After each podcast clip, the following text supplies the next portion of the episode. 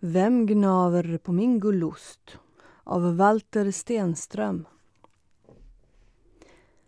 Det var en gång en knalle som gick omkring med sin påse.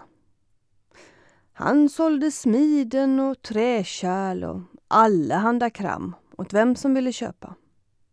Han gick från stuga till stuga och knackade på.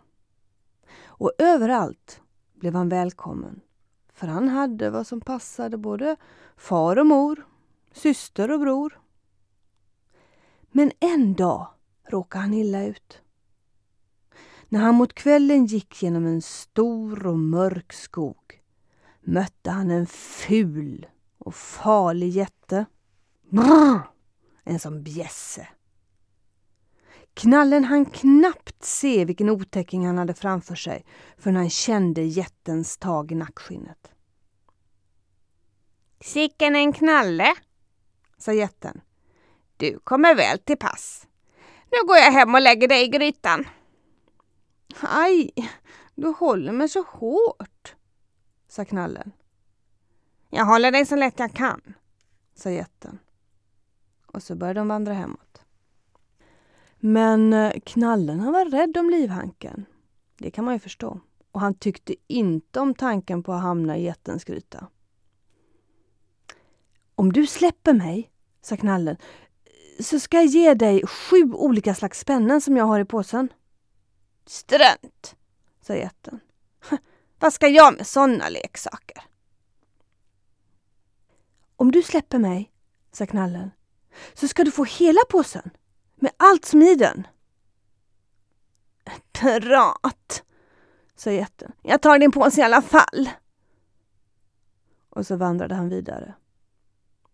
Knallen blev allt oroligare ju närmare han kom jättens gryta och han visste rakt inte vad han skulle hitta på för att slippa undan. Men just i detsamma fick han se månen som röd och rund steg upp ovanför trädtopparna. Då fick knallen en idé.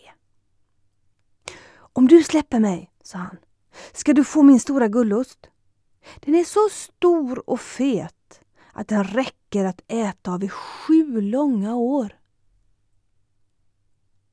Var har du den osten? frågade jätten.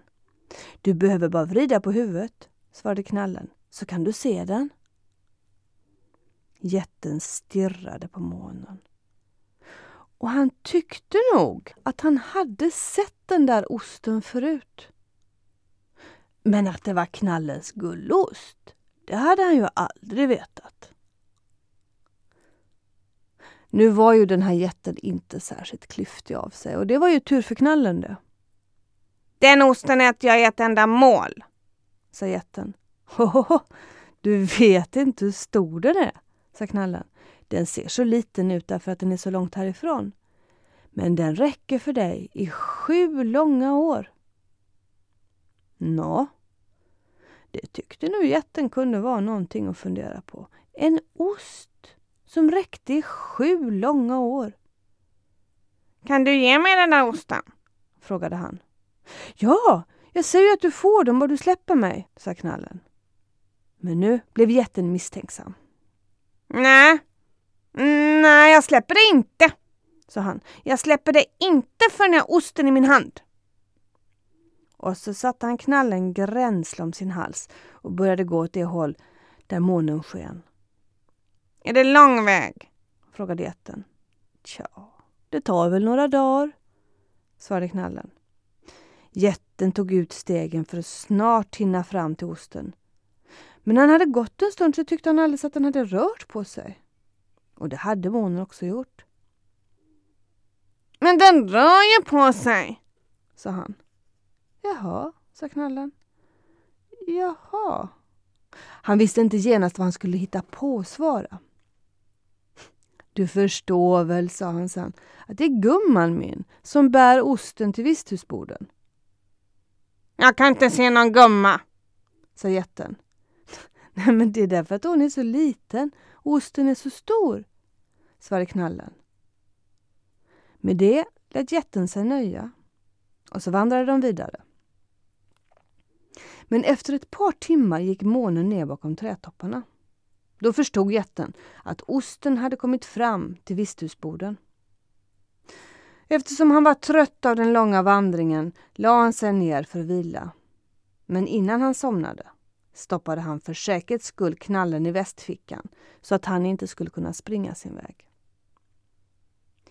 Jätten sov hela dagen och när han vaknade på kvällen höll månen just på att gå upp. Nu var det vid den här tiden när månen började komma i nedan. Det vill säga att med varje natt så skulle den bli allt mindre. Just nu såg det ut som om den hade blivit urnupen i kanten. Nej men titta, sa knallen. Titta på min gullost! Nu har någon varit framme och gnagt på den. Ja, det såg ju jätten mycket väl. Det är väl gumman din, sa han. Ack nej, sa knallen.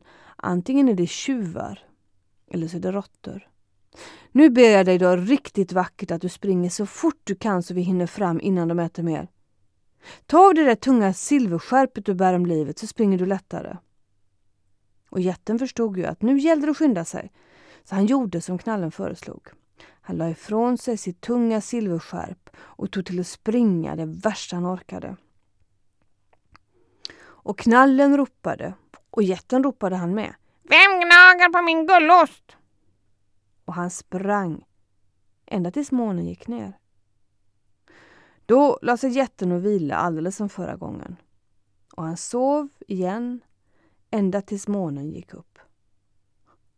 Ack, ack, ack, sa knallen. Nu är det ännu värre. Nu har de gnagt ännu mer på min gullost. Ja, det såg jätten också. Nu ber jag dig riktigt vackert, fortsatte knallen, att du springer det fortaste du kan så vi hinner fram innan de äter mer. Lägg av dig de tunga guldspännena du har på skorna så springer du lättare. Och jätten gjorde som knallen föreslog. Han la ifrån sig de tunga guldspännena och satte iväg det värsta han orkade. Det gick så det ven om det. Och knallen ropade och jätten ropade med han med. Vem gnager på min gullost? Så gick månen ner igen. Och jätten la sig att sova. Och han sov ända tills månen åter gick upp. Nej men det här var då ett rent elände, klagade knallen och pekade på månen. Antingen det är tjuvar eller råttor så går de fasligt illa åt min ost. Men är vi inte framme snart? frågade jätten för han började bli otålig. Ack käre snälle, sa knallen, det begriper du väl att det inte kan gå så fort när du ska springa med mig på din rygg? Spring före du, så kommer jag efter så fort jag hinner. Och jag ber dig riktigt vackert att nu sätter du iväg det värsta du kan. Ja, jätten förstod ju nog att det gällde att skynda sig och därför satte han ner knallen på marken och sprang ensam före. Det gick i en fart så kvistar och grenar riktigt yrde om honom. Vem gnager på min gullost? skrek han. Men eh, knallen, han vände tvärt. Nu hade han lurat jätten. Han sprang tillbaks till det ställe där jätten hade lagt ifrån sig guldspännena. Han stoppade dem i sin påse och påsen blev med en så tung att han knappt orkade bära den. En vacker dag letade han också reda på jättens silverskärp.